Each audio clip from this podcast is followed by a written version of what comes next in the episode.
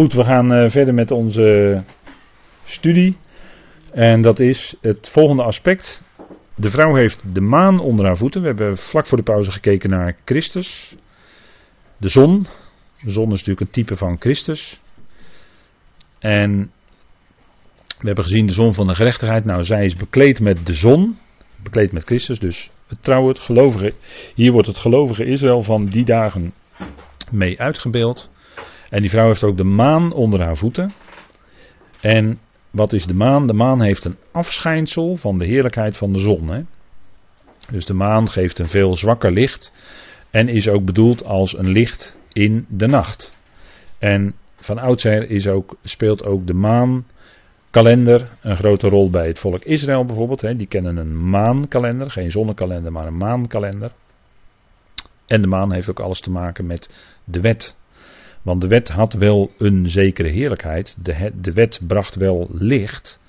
Maar dat was een heel matig licht vergeleken bij het volle licht wat later zou komen.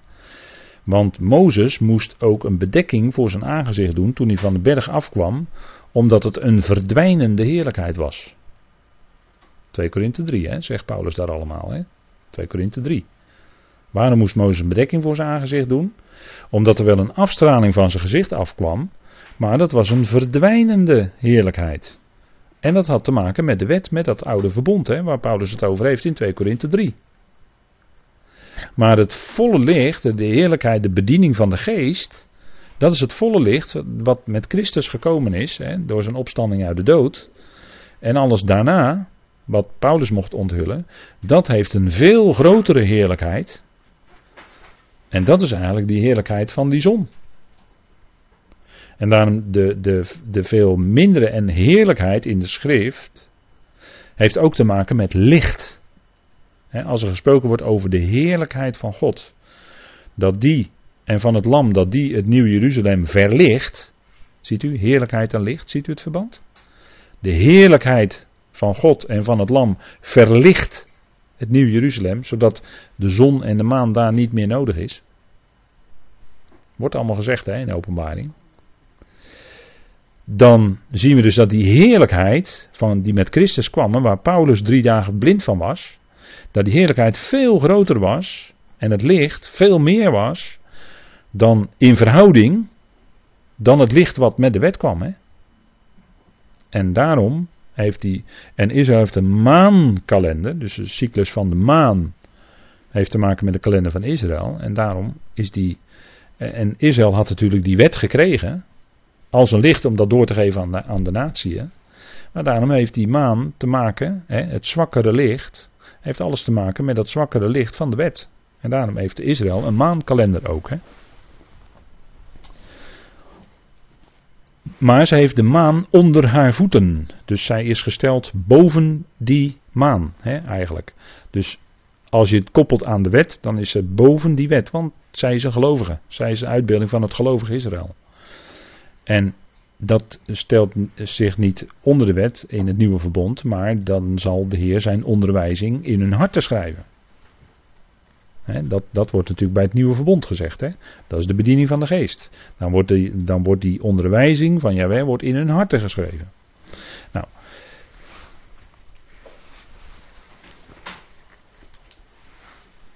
Dan die krans van twaalf sterren. He, er wordt het woord uh, Stefanos gebruikt, dat is uh, eigenlijk uh, krans, een, uh, een lauwerkrans voor de overwinnaars. He. Het is eigenlijk een teken van overwinning. Maar als we het hebben over twaalf sterren, dat hebben we al met elkaar gezien met Jozef, weet u wel, Jacob, zon, maan, twaalf sterren. Denk ook aan het geestelijke zaad van Abraham. God, Abraham zag dat en hij moest kijken naar die sterren van hemel en dan zegt de Heer tegen hem, zo zal je zaad zijn, Abraham, zo talrijk zal je nakomelingen zijn.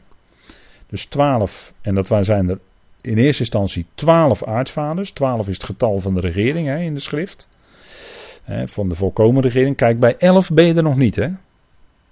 Bij elf zou je kunnen zeggen, dan, dan ben je nog niet bij die volkomen regering. Maar bij twaalf ben je er wel twaalf aartsvaders, twaalf stammen, twaalf discipelen of apostelen, twaalf poorten, twaalf fundamenten van het Nieuw Jeruzalem, Het spreekt allemaal van regering. Israël dat als volk zal regeren over deze aarde. De twaalf apostelen zullen ook regeren over de twaalf stammen van het volk Israël. Maar goed, daar komen we nog op. De krans, dat is hier het woord Stefanos. En dat is een teken van overwinning, weet u wel. De lauwerkrans die bij de Olympische Spelen ook wordt uitgedeeld. Hè?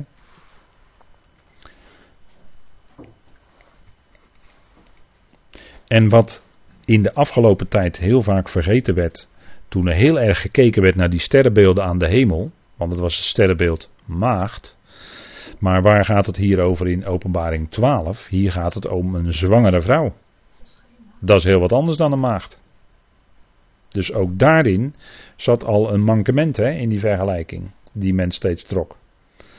En want er staat in Openbaring 12, vers 2: En zwanger zijnde schreeuwt zij het uit en zij leidt weeën. Weet u wel, aan het begin van de dag denk je, er is nog niks. En aan het eind van de dag kan er een babytje zijn. En daartussen zitten soms hele heftige weeën. Vooral de laatste weeën, de persweeën. Dat, die zijn heel erg hoor.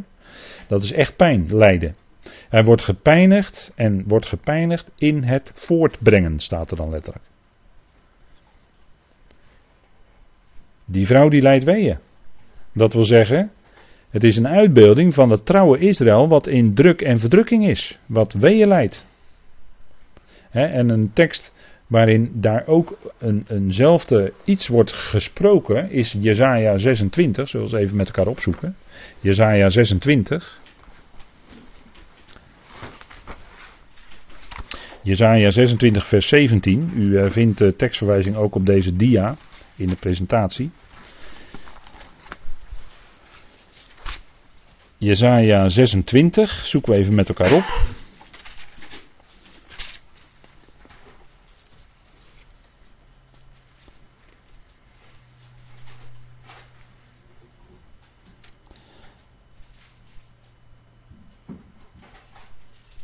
En we lezen voor het verband even vanaf vers 15.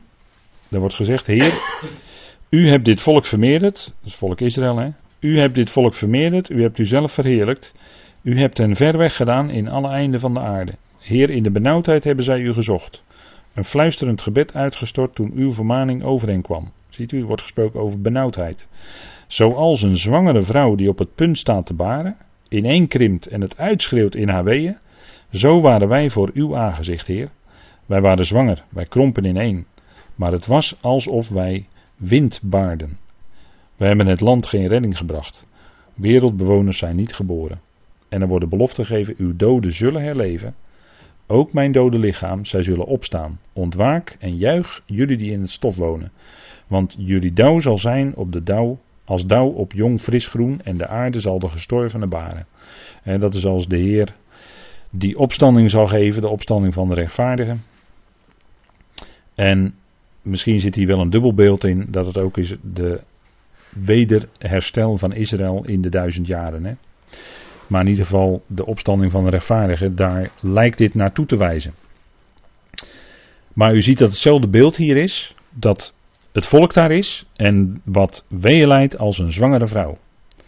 Jezaja 26. En wij zien ook de weeën in Matthäus 24. Laten we ook even met elkaar opzoeken, bekende versen. Matthäus 24, daar krijgt de discipelen antwoord op de vragen die zij aan de Heer stellen als ze op de Olijfberg zijn. wat zal het teken zijn van uw komst en van de volleinding van deze aion? U weet wel, die drie vragen die de discipelen dan stellen, dan gaat de Heer daar antwoord op geven. En dan zegt hij, Matthäus 24, vers 4. En Jezus antwoordde en zei tegen hen: Pas om dat niemand u misleidt. Want velen zullen komen onder mijn naam en zeggen: Ik ben de Christus. En ze zullen velen misleiden. U zult horen van oorlogen, van geruchten van oorlogen. Pas op. Word niet verschrikt. Want al die dingen moeten gebeuren. Maar nog is het einde niet. Want volk zal tegen volk opstaan en koninkrijk tegen koninkrijk. En er zullen hongersnoden zijn en besmettelijke ziekten en aardbevingen in verschillende plaatsen. Maar al die dingen zijn nog maar een begin van de weeën. Ziet u, hier, hier wordt gesproken over het begin van de weeën. En dan zitten we nog vroeg in die 70ste jaarweek van Daniel. En later zal het dus intenser worden. En vandaar dat hier gesproken wordt over die vrouw die dan dat kind gaat baren. Hè. Dat daar gaan natuurlijk weeën aan vooraf.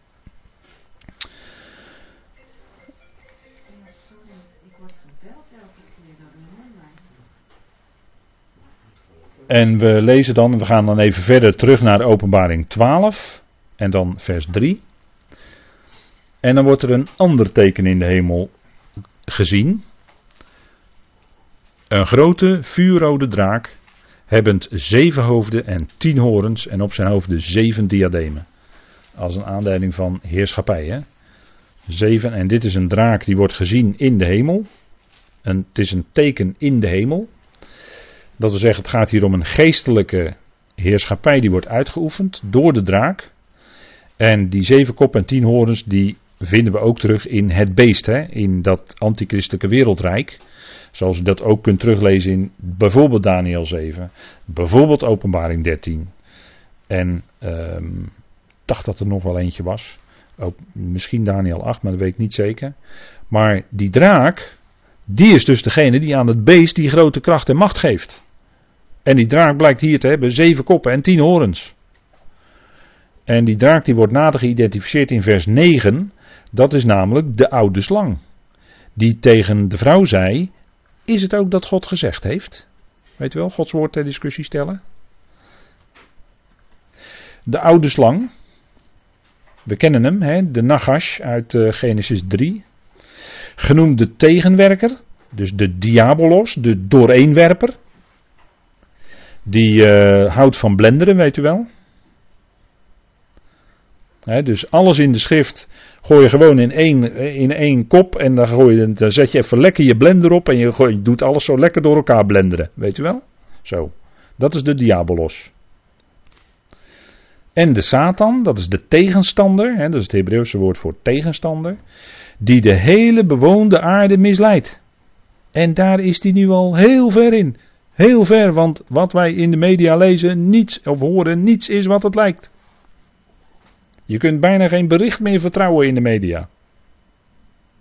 Want alles blijkt later toch net weer anders te zijn. Bij nader inzien.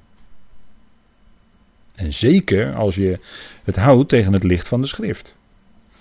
Dan ga je ontdekken dat inderdaad die tegenwerker de hele bewoonde aarde al heel, heel erg aan het misleiden is hoor. Dat is al heel ver want wat, wat, wat, ons allemaal wordt voorgehouden, onvoorstelbaar. Maar de mensen die lopen er gewoon achteraan, ze trappen erin. Dat is dus die draak. Dat is een grote vuurrode draak. En rood, dat is een naar buiten tredende kleur, weet u wel. Een expanderende kleur. Als je een rood vlak hebt, dan lijkt dat zich naar buiten te treden. Rood is daarom ook een beeld van koningschap. Daarom moest Adam de aarde aan zich onderwerpen, weet u wel. En Adam betekent ook onder meer rood. Bloed. Dam, hè? Adam. Dam is bloed. Bloed is rood.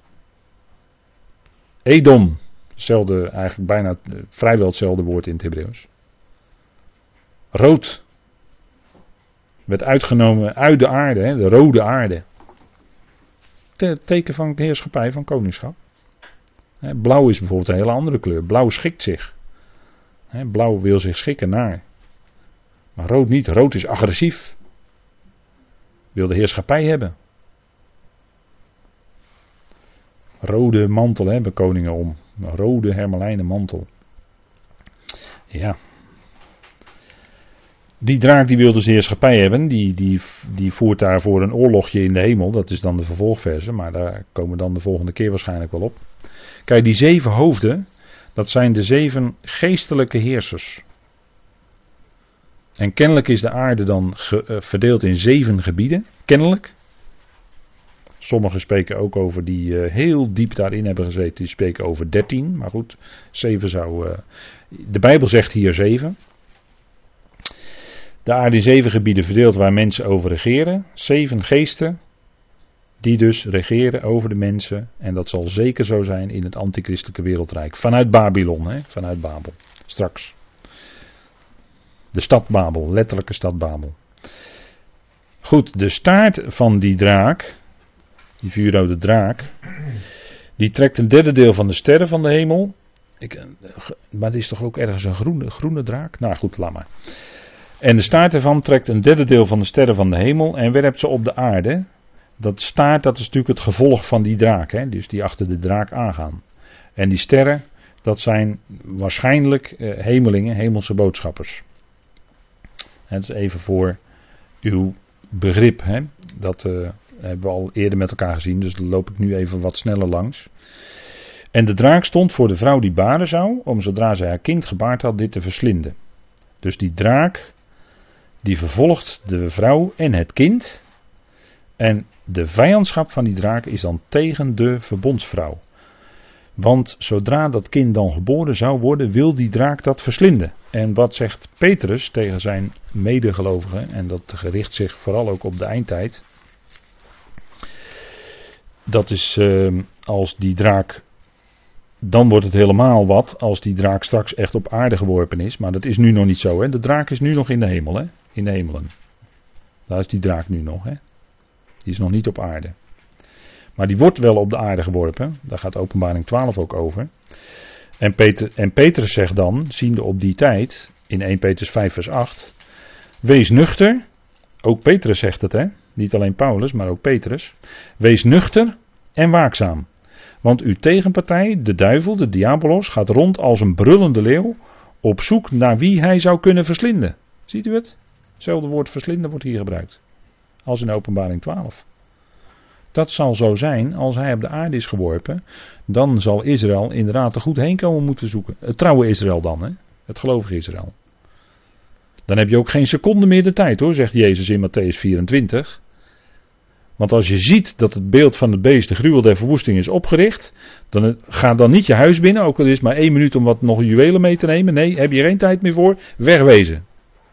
Wegwezen. Zo snel mogelijk. En bid dat je vlucht niet valt op de winter of op een sabbat. Niet in de winter of in de sabbat. Ga niet naar boven op je dak. Nee, heb je geen tijd meer voor. Wegwezen. Zo snel mogelijk. Want dan is die draak op de aarde geworpen en dan zoekt hij wie hij zal verslinden. Daar spreekt de Heer Jezus over. Hè? Kijk, en die ontrouwe vrouw, als we die daar tegenover zetten, die zit op dat beest hè, in openbaring 17 die ontrouwe vrouw, dat is de tegenhanger van deze vrouw in openbaring 12, die zit op het beest. Dus die heeft geen enkele vijandschap te duchten. Integendeel, die bestuurt zelfs dat beest namens de draak. Die bestuurt dat beest namens de draak. Dus daar zit dan een hele duidelijke verbinding tussen die ontrouwe vrouw en de draak. Ja. Openbaring 17. Laten we even, heel even snel die versen lezen. Dan kunt u dat zelf even toch voor ogen zien. En in de geest bracht hij mij weg naar de woestijn. En ik zag een vrouw zitten op een scharlakenrood beest.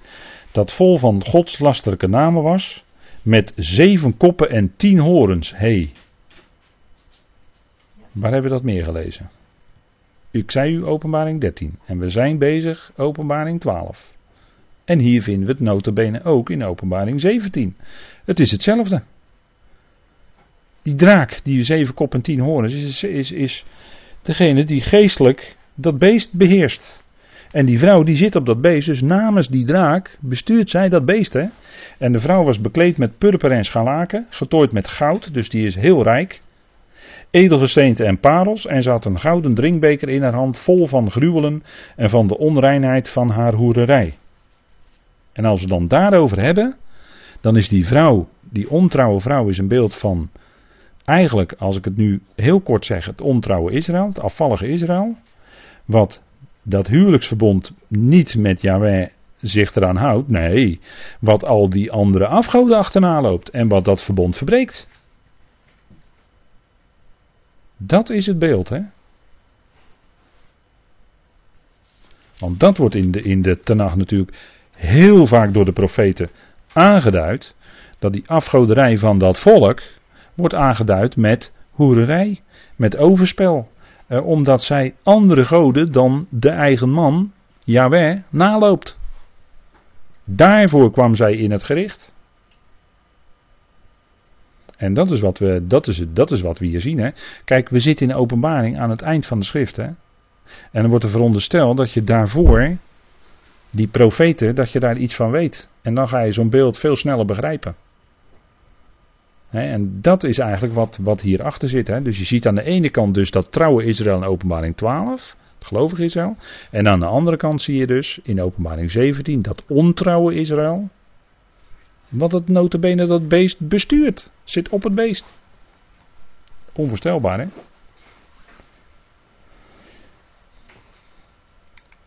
En zij bracht voort een zoon, een mannelijke, die op het punt staat te herderen, staat er dan letterlijk. Al de natieën met een ijzeren roede. Een mannelijke zoon. Dus leidt weeën, wordt bedreigd door die draak en zij baart een mannelijke zoon. En wat is nou de identiteit van die mannelijke zoon? U weet dat daar veel gesprek over is, dat daar veel uitleg over is, dat er veel over gesproken is in de laatste tijd. In allerlei YouTube-filmpjes en noem alles maar op. En uitleg. Ehm, als we gaan kijken in die met, hè, het is een bekend beeld natuurlijk, de natieën hedderen met een ijzeren roede dan vinden we dat onder meer terug in Psalm 2, vers 9. En ik zeg u dat dat hetzelfde beeld is, maar dat wil nog niet zeggen dat we dan ook weten wie die mannelijke zoon is. Dat is nog niet 1, 2, 3 dan duidelijk hoor. Psalm 2,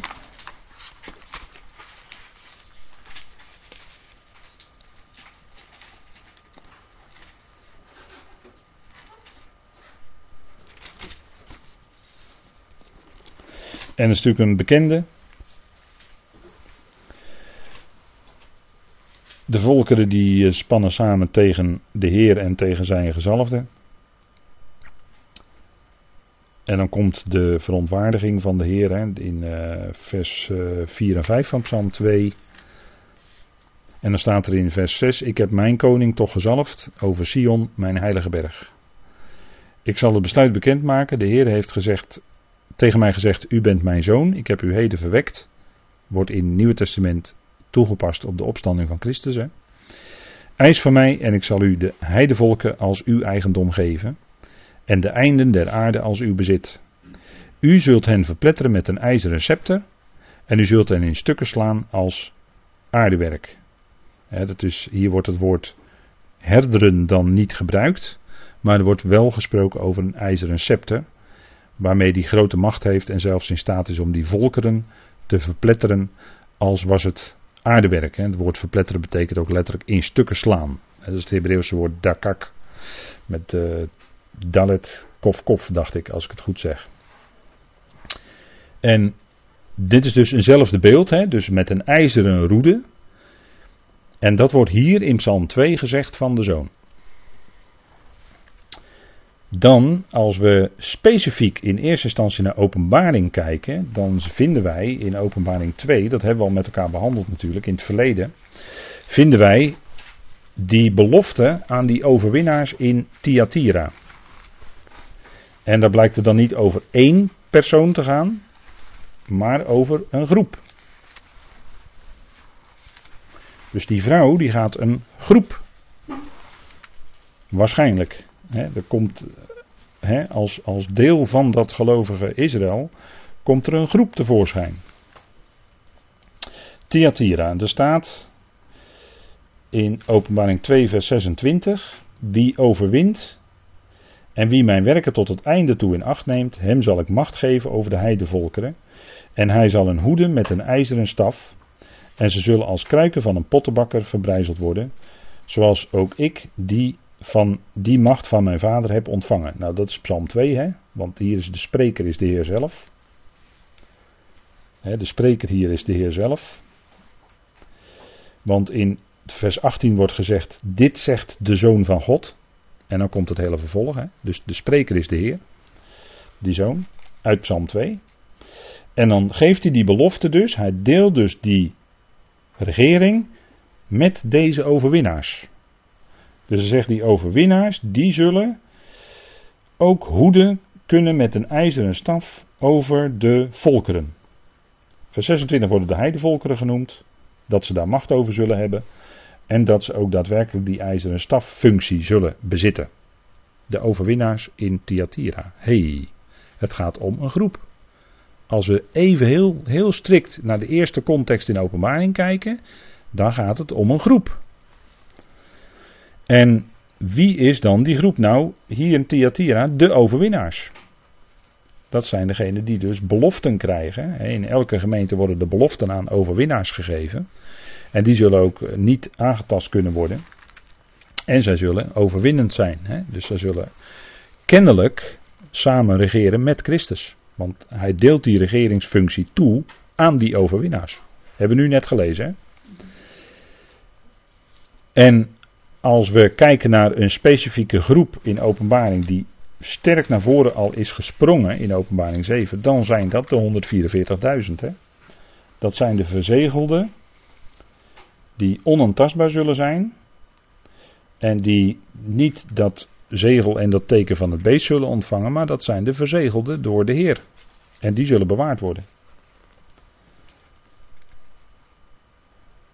Openbaring 7, vers 4. Hè? En ik hoorde het aantal van hen die verzegeld waren. 144.000 waren er verzegeld uit alle stammen van de Israëlieten. Nou, dan worden ze ook allemaal specifiek genoemd. Dus je zou kunnen denken aan die 144.000. Het gaat om overwinnaars. Die hebben die belofte gekregen. En als we kijken in openbaring 14, daar worden die overwinnaars ook genoemd. Want er wordt hier een zoon genoemd. En er wordt nog bijgezegd een mannelijke. Nou, normaal gesproken hoef je dat natuurlijk niet te zeggen als het een zoon is. Maar dat mannelijke wordt hier benadrukt, hè? Doordat het woord nog extra eraan toe wordt gevoegd. Dus openbaring 14. En er worden ook die 144.000 genoemd. En dan even. Het is heel duidelijk, het vers 1 tot en met 3, dat het om die 144.000 gaan uit openbaring 7. En dan staat er in vers 4: Zij zijn het die niet met vrouwen bevlekt zijn, want zij zijn maagden. De, deze zijn het die het lam volgen waar het ook naartoe gaat. Deze zijn gekocht uit de mensen als eerstelingen voor God en het lam. Dus hiermee wordt hun mannelijkheid benadrukt. Ze zijn, zij zijn het die niet met vrouwen bevlekt zijn, want zij zijn maagden. en die uitdrukking, dat heeft hoogstwaarschijnlijk te maken met het feit dat de hele cultus, de, de aanbidding van het beest en het beeld van het beest, dat dat te maken heeft met prostitutie. Net zoals dat, eh, ja, dat was heel gebruikelijk. Ook in die tijd van, uh, van zeg maar rond, rond het jaar nul, om het zo maar te zeggen. Was er in, in, in, in dat rijk, in het Romeinse Rijk, was regelmatig sprake van tempelprostitutie. Dus dat was eigenlijk heel gebruikelijk. Bij bepaalde godsdiensten. En ehm, het is heel goed mogelijk dat ook als het in de eindtijd gaat om de de religie van de eindtijd, dat het ook daarmee gepaard gaat. En dat daarom die opmerking hier gemaakt wordt. Zij zijn er die niet met vrouwen bevlekt zijn. Dus zij, uh, zij uh, onthouden zich daarvan. Hè. Zij doen daaraan niet mee. Zij zijn er die verzegeld zijn. Ze zullen ook onaantastbaar zijn. Hè. Ze zullen niet omgebracht kunnen worden door, dat, door de, uh, degene die dat, dat antichristelijke rijk uitoefenen. Want zij zijn maagden. Hè. Dus eh, daarin wordt hun, uh, door die hele opmerking, wordt hun mannelijkheid eigenlijk benadrukt, zou je kunnen zeggen. Nou, dat is nog zo'n punt wat je mee kan nemen als je erover nadenkt. Hè, wie, wie is nou die mannelijke zoon? Uh, en je kijkt strikt even in eerste instantie in het boek Openbaring zelf, dan kom je dus bij, mogelijk bij die 144.000 uit. En er is natuurlijk nog een hele grote groep die we ook gezien hebben in Openbaring 7, dat is die schade die niemand tellen kan. Dat zijn ook degenen die uit Israël uit die grote verdrukking komen, die er dus doorheen komen. Uh, maar die 144.000 die springen eigenlijk heel specifiek eruit. Hè? Dus voorlopig, en dat is ook al eerder, heeft dat geklonken, um, lijkt het er heel sterk op dat het gaat om die 144.000. Want Christus die regeert niet alleen, hebben we ook al gezien, maar hij deelt die regering met anderen. En dat, daarvan kennen we natuurlijk best wel meer voorbeelden in de schrift. dat van de Heer wordt ook in openbaring 19 vers 15 gezegd dat hij zelf zal hen hedderen met een ijzeren roede of een ijzeren staf. In openbaring 19 vers 15. Maar hij deelt het regeren ook toe aan anderen. Dus hij doet het niet zelf, maar hij verdeelt dat. Hè? Denk maar aan wat ik al genoemd heb vanavond, de discipelen apostelen. Die zullen met hem regeren over de twaalf stammen van Israël. Matthäus 19 vers 28 hè, in de wedergeboorte. U kent die tekst natuurlijk wel. De mannelijke zoon, een groep uit het trouwe Israël en regeert over de volkeren. Israël, een koninklijk priesterschap, regeert ook over de volkeren. Hè, dus eh, het volk Israël als zodanig regeert in de komende duizend jaar en daarna over de volkeren. Daarin deelt dus de Heer zijn heerschappij met dat volk. Dus de Heer doet dat niet alleen. Dus voorlopig lijkt het erop dat als we openbaring 12 bekijken, wie is die mannelijke zoon, dat dat is de 144.000. En dan denkt u ja, maar het lichaam van Christus. Dan zou het zo zijn dat het lichaam van Christus, dus de gemeente, die conclusie zou je dan moeten trekken, dat de gemeente voortkomt uit Israël, uit die vrouw. En de vraag is of dat een bijbelse conclusie is. Ja, dat wordt gezegd. Maar is dat een bijbelse conclusie?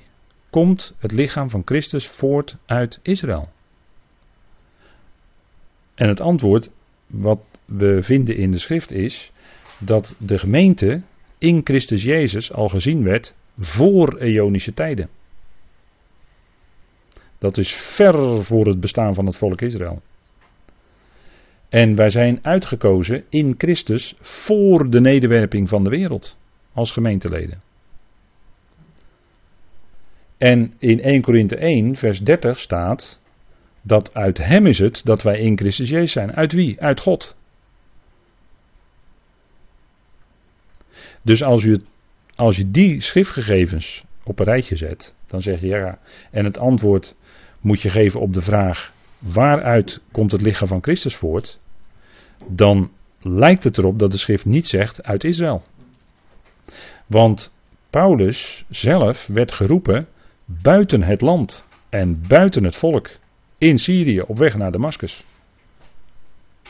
En zo kon de Heer hem roepen in overstromende genade. Waarom? Omdat hij buiten het land was en dus niet onder de wet. En dan kunt u zeggen, ja, Paulus was wel zelf uit het volk Israël. Ja, dat is omdat de, de woorden van God zijn aan het volk toebedeeld. Inderdaad, ja. Maar Paulus kwam wel met een unieke boodschap, die niet in nacht bekend was gemaakt. En met de roeping van Paulus begon ook de roeping van de gemeente. En dan lijkt het er toch heel sterk op dat de gemeente niet voortkomt uit Israël. Nee, de gemeente heeft wel alles te maken met de roeping van Paulus. Maar Paulus stond juist los van de twaalf apostelen. En werd geroepen buiten het land. En toen begon de roeping van de gemeente die het lichaam van Christus is. En de verzegeling daarvan. Dat gebeurde daarvoor niet, die verzegeling. Ja, dus op de vraag of die gemeente dan inderdaad gezien moet worden in die mannelijke zoon, dan zeg ik, als u het mij vraagt, op, voorlopig op, de, op grond van deze gegevens niet, want gemeente staat wat dat betreft helemaal los van Israël. Die roeping is los van Israël. Er zijn twee verschillende lijnen in de schrift.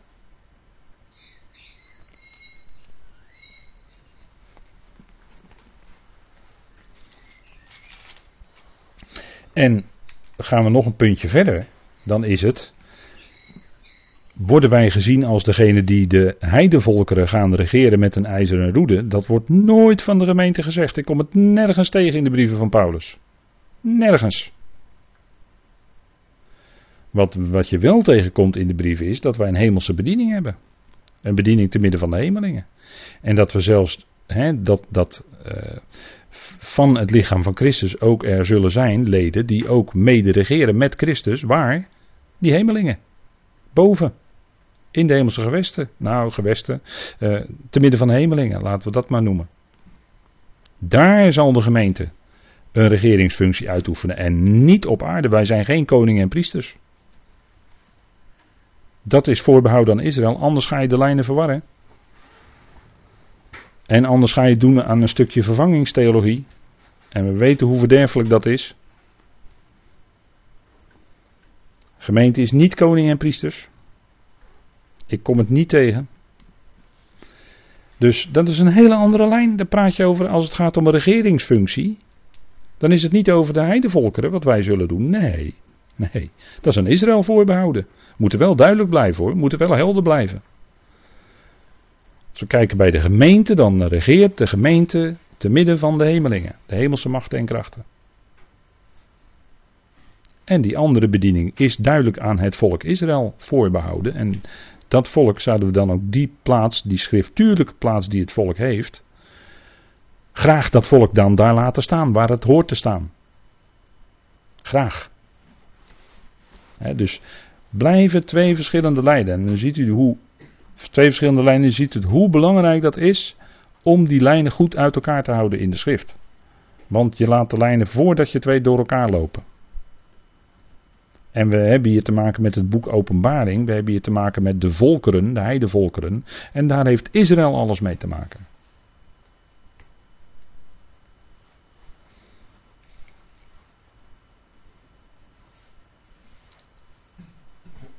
En dan als laatste, als afsluiting voor vanavond. En dan ga ik echt stoppen, want het is al laat. En u wil natuurlijk graag naar huis. Maar kijk, dat woord wegrukken wat hier gebruikt wordt, ja inderdaad, dat is het woord harpazo. Wegrukken, dat is met kracht iets wegnemen. En het wordt gebruikt in 1 Thessalonicense 4, ja zeker, zeker, wordt daar gebruikt. Maar dat wil nog niet zeggen dat het om precies dezelfde groep gaat. Want van Filippus in Handelingen 8 wordt ook gezegd dat hij weggerukt werd. Nou, de kamerling van Moorland had hij gedoopt. En ineens was hij weg. Ja, dan staat er, de geest van de Heer had hem weggerukt. En hij was op een andere plek weer terug te vinden. Filippus. En de boze. Matthäus 13, hè, in die gelijkenissen van het koninkrijk van de hemelen. De boze rukt het zaad weg. Dat is ook het woord wegrukken. En dat komt wel vaker in de schrift voor hoor.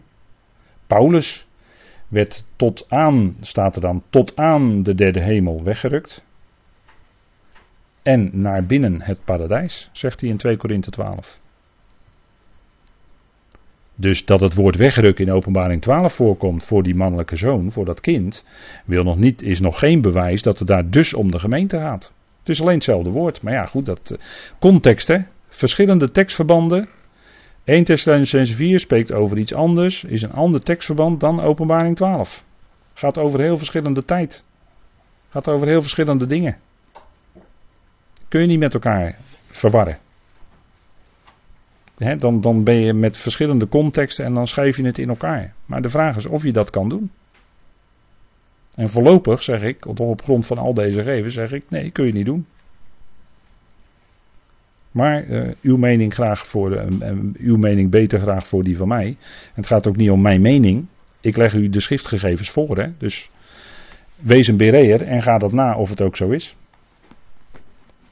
Het gaat echt niet om mijn mening, het gaat om wat de schrift naar voren brengt. En goed, ik uh, deel u dan mijn voorlopige, voorzichtige gedachten daarbij.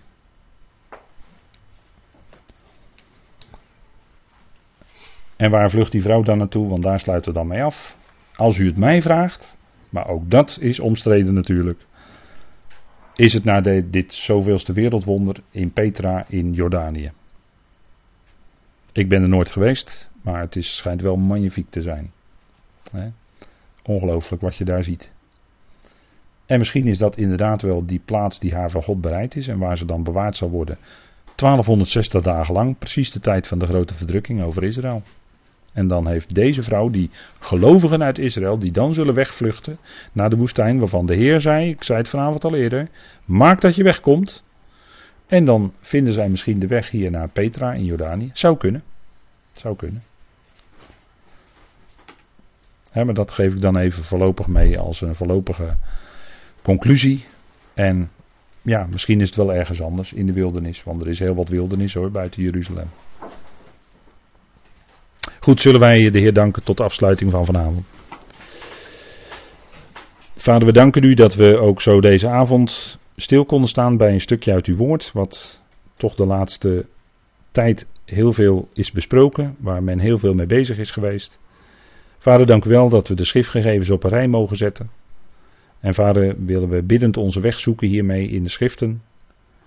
Vader, en Het is niet te doen om gelijk te willen hebben, maar het is om uw woord te laten zien en wat het zegt. Vader, dank u wel dat we zo deze avond van u mochten ontvangen. We danken u voor uw trouw, goedheid en liefde. We danken u dat u een geweldig groot God bent en dat we ook deze details van uw plan mogen zien in de schrift. Dat u het zo gaat doen, vader. We danken u dat u bewaart ook in die enorme tijd van verdrukking. Die over de hele wereld zal komen, in het bijzonder over uw volk, Heer. Een enorme antisemitische periode. Maar dank u wel dat u ze nogthans zult bewaren en dat ze als volk weer straks aan de spits van de volkeren zullen staan in de duizend jaar. En die plaats zullen krijgen die u hen had toebedeeld, vader. We danken u dat u al die beloften die u aan het volk Israël gedaan heeft ook zult vervullen. Dank u dat u ze lief heeft, dat u oogappel is. Dank u dat u met hen in het nieuwe verbond zal treden. En dank u dat wij een roeping hebben, een bediening hebben te midden van de hemelingen. Vader, we danken u dat u ons daar plaatst. Dat we met Christus als gemeente zelfs mee zullen regeren te midden van die hemelingen. Vader, het is ongelooflijk wat een plannen u heeft met de gemeente. Een hoge roeping. Vader, we danken u daarvoor. We danken u dat we duidelijkheid bij Paulus verkrijgen en ook nuchter mogen zijn, Vader, als we uw woord volgen. Dank u wel dat u ons daarbij bepaalt. En Vader, dank u wel dat we zo deze avond van u mochten ontvangen. Dat u ons keer op keer bepaalt bij wat u zegt. Dank u wel voor uw goedheid, liefde en trouw dat u draagt. Vader, wees op die plaatsen waar het moeilijk is, waar misschien grote zorgen zijn. Vader wil nabij zijn en wilt u dragen, wilt u daarin uw nabijheid geven, uw rust en uw vrede. Vader, zo dank u voor alles wat u geeft. We danken u dat u een genadig en groot God bent en dat we het van u mogen verwachten, telkens weer. Vader, wees ook met ons in de komende dagen. Dank u wel dat u meegaat, dat u altijd nabij bent. En dat we, als we wijsheid tekortschieten, u daarom mogen bidden. En dat u dan die geeft. Vader, we danken u daarvoor. We danken u zo voor alles. En we danken u dat u ons lief heeft en dat die liefde nooit zal ophouden. Totdat u allen hebt gevonden en allen in uw hart zijn en bij uw hart zijn. Vader, we danken u daarvoor. In die machtige naam van uw geliefde Zoon, onze Heer Christus Jezus. Amen.